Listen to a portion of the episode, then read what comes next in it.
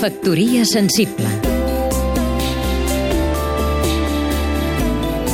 Isona Passola, productora de cinema ja podem anar lamentant-nos que només pensem en els grans creadors que ens han precedit quan en celebrem els centenaris, però és que gràcies a celebrar-los no perdem la continuïtat necessària per anar endavant en la cadena de transmissió de la cultura.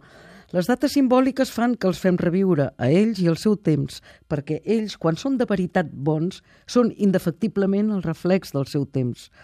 Això és el que passa quan visitem la petita però gran exposició comissionada amb sensibilitat per Sam Abrams sobre Joan Teixidor en el centenari del seu naixement al Museu d'Història de Catalunya.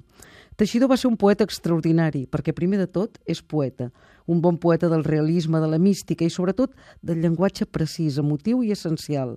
Però també és prosista, crític literari i crític d'art avançat, reivindicador del primer Tàpies quan tothom el menys tenia, de Miró, de Pons i del paisatgisme olotí alhora, i president molts anys de la Fundació Miró que li acaba de retre homenatge. Una mostra de la seva interessant pinacoteca es pot veure a l'exposició del Palau del Mar.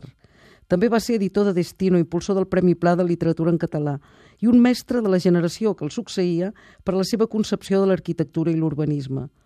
Però també va ser fill del record tràgic i agre de la guerra, que ell va acabar subvertint gràcies a la seva intel·ligència, sensibilitat, falta de perjudicis i obertura mental, que també explica el mapa còsmic de l'exposició on s'interrelacionen tots aquells amb qui va establir amistat i correspondència.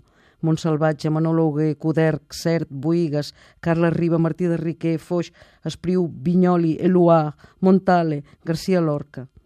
Com deia al començament, els bons de veritat sempre són el millor reflex del seu temps. Factoria sensible Seguim-nos també a catradio.cat